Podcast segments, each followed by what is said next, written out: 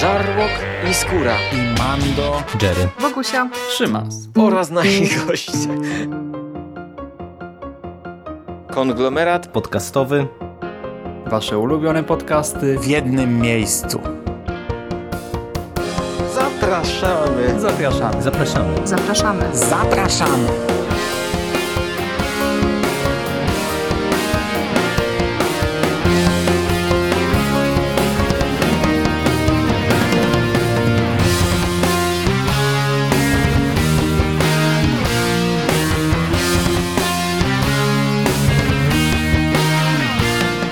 Witam w konglomeracie podcastowym, czyli na platformie, która zbiera wszystkie Wasze ulubione podcasty o Deadpoolu w jednym miejscu.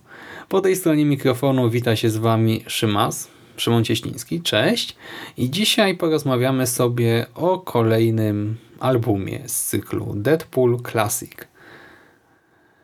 Hmm, jak ten czas leci? Niedawno mówiliśmy o pierwszym, teraz już czwarty.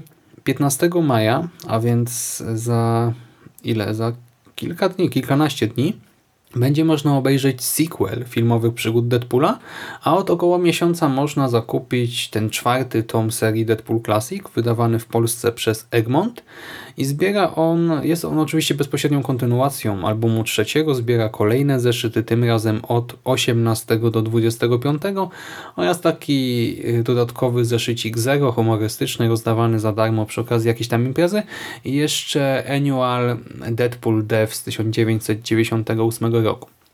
Ponownie otrzymujemy to wszystko w grubym, ładnie wydanym tomie z szytą twardą oprawą, kredowym papierem.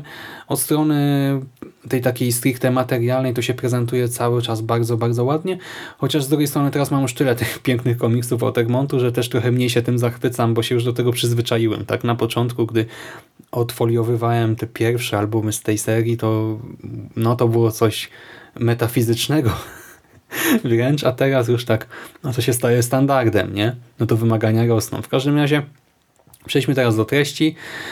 Album zaczyna się annualem Deadpool Death, który opowiada o spotkaniu Wade'a i śmierci, co pozwala nam powspominać cudowne czasy programu Broń X.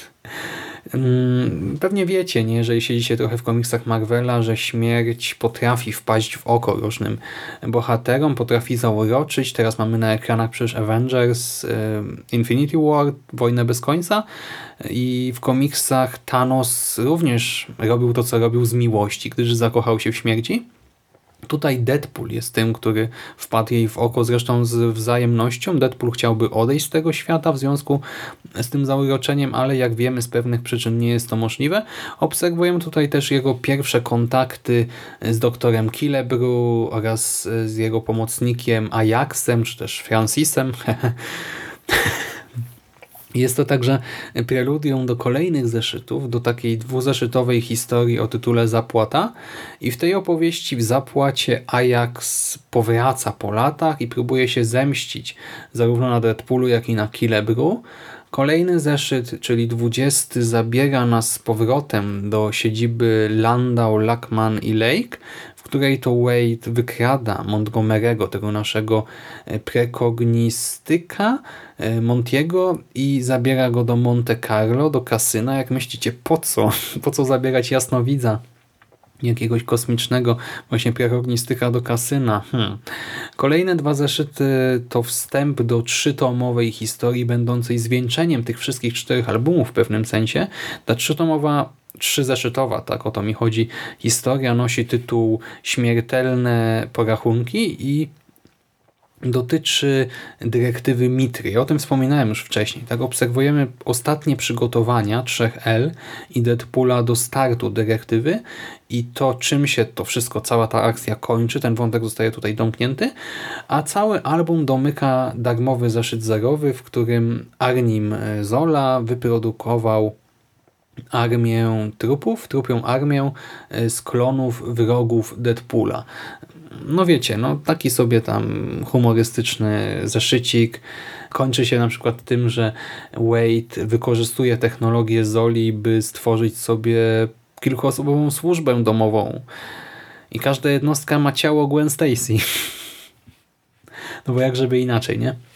W każdym razie E, tak wchodząc troszkę w szczegóły, ale bezspoilerowo oczywiście, to starcie z Ajaxem to jest po prostu rozbudowana geneza, czy też rozbudowywana, bo już coś tam o niej wiemy z tych wcześniejszych zeszytów, rozbudowana geneza bohatera, troszkę takiej bzdurnej nawalanki między Wade'em a Ajaxem i rozważań na temat tego, czy Deadpoolowi wolno zabijać, czy powinien zabijać, czy może musi zabijać, albo może nie może zabijać. Jest ok, ale bez żadnych rewelacji, taki średniaczek. Ten ostatni zeszyt to żart, a pięć środkowych składa się na rozwiązanie najważniejszych wątków, na rozwiązanie e, innymi wątku Deadpoola jako potencjalnego wybawcy ludzkości i powiem wam, że to jest całkiem ciekawe i dla osoby takiej jak ja, która już się troszkę wciągnęła w ten świat, coś wartościowego. Otóż tutaj dowiadujemy się już konkretnie, że istnieje pewna przepowiednia, wedle której pod koniec XX wieku na Ziemię przybyć ma obca forma życia. Obca forma życia, która ześle pokój i dobrobyt. I to za darmo, ale jednak istnieje również pewna złowroga istota, niejaki Tiamat, który zabije tego Mesjasza, tego dawcę pokoju i dobrobytu yy, i tym samym położy kres tym cudownym czasom, chyba że zapobiegnie temu Mitra, czyli Deadpool. Problem polega na tym, że przepowiednia zakłada także ewentualną śmierć Mitry. W związku z tym nie wiadomo, kto zwycięży, czy Mitra, czy Mesjasz, czy Tiamat, tak? czy ten dawca dobrobytu, czy jakaś złowroga istota, czy nasz Wade Wilson.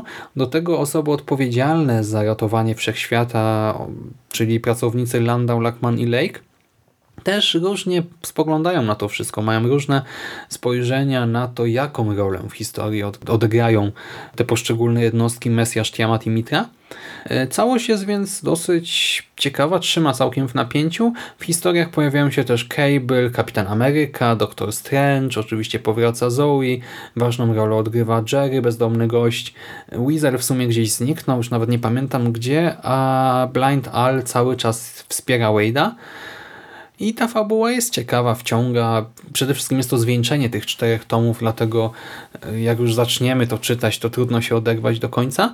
E, wszystko zaczęło się od akcji z Sasquatchem, a kończy się tutaj, w tym ostatnim zeszycie, przed tym takim bonusikiem humorystycznym. I właśnie humorystyczny zeszycik na końcu jest po prostu ok. Powiem wam, że jakoś ten humor nie wiem, przestał mi się rzucać w oczy. On tutaj pojawia się cały czas, Czasem się pośmieję. Jeżeli chodzi o nawiązania, to ja ich często nie rozumiem. Tutaj naprawdę wiele razy tak po prostu patrzyłem o nawiązanie, widzę, że nawiązanie, ale nie mam pojęcia do czego. Lecę dalej. Tyle nie mam nawet nic szczególnego do powiedzenia. Mam wrażenie, że ten drugi album był najśmieszniejszy do tej pory, a ten pozostałe to tak sesem mech trochę. Styl graficzny zaś no nie zmienił się zbytnio. Ciała Cable'a, Deadpoola, Ajaxa, Dixona i innych męskich bohaterów to oczywiście nadal góry mięśni. Piersi Zoe są przeogromne i wyglądają absurdalnie. Nadal też troszkę mi nie leży ta prezentacja zniszczonej skóry Wade'a, ale ja chyba się do tego też wszystkiego przyzwyczaiłem, chociaż rzeczywiście no jest lepiej niż przy tych skrajnych obrazkach z przeszłości. Nie ma już też tych momentów takich przypominających jakieś rysunki skierowane do najmłodszych odbiorców. Większych wpadek nie odnotowałem. Tak jest po prostu ok, jest chyba trochę lepiej niż w poprzednich zeszytach. Y, są też rzeczy, które wyglądają naprawdę ładnie. Na przykład Tiamat prezentuje się rewelacyjnie. Y, ta bestia z kosmosu troszkę przypomina Predatora na takim dziwnym wierzchowcu, będącym ni to lwem, ni to jakąś hybrydą pająka i jaszczurki. No ale wygląda tak, wiecie, jak na te lata 90., jak taki właśnie wojownik z kosmosu i jest ok. Mesjasz to też ciekawa istota, jeżeli chodzi o design postaci, to jak wygląda, podoba mi się e, zaś hybryda Mitry i Tiamata, czyli Deadpool w takim specyficznym kombinezonie, no to też jest bardzo ciekawy i ładny koncept. No ale chyba to jest jedyne, co mi zapadnie w pamięć. Właśnie te wszystkie kosmiczne istoty i potem Deadpool w takim śmiesznym pancerzu, a cała reszta jest raczej do zapomnienia. Tutaj też mamy wielu rysowników, ja już nie będę ich wymieniał, bo to nie ma sensu sobie w tagach na konglomeracie sprawdzić albo nie wiem, na gildii komiksu. E, powiem wam tylko, że oni jakoś nie różnią się mocno od siebie. Tutaj na przykład McDaniel jest w co drugim zeszycie, mam wrażenie, rysownikiem, a tych zmian, to, że właśnie między zeszytami nawet w ramach jednej opowieści się rysownik zmienia, ja jakoś tego mocno nie odczułem. No okej, okay, jak się przegląda to już świadomie potem po lekturze, no to ja widzę tam jakieś drobne e, zmiany, ale w trakcie pierwszego kontaktu z komiksem absolutnie mi się to w oczy nie rzuciło. Tak jak mówię, rysunki są ok, Fabularnie też jest ok.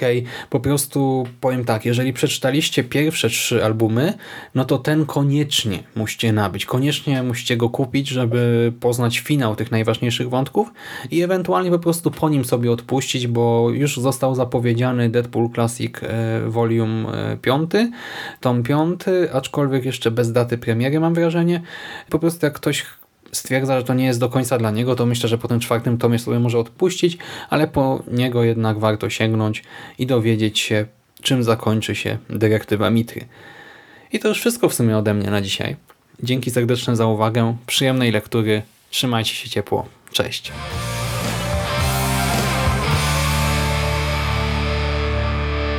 You finished? That's it, man. Game over, man. It's game over. What the fuck are we gonna do now? What are we gonna do? It's over.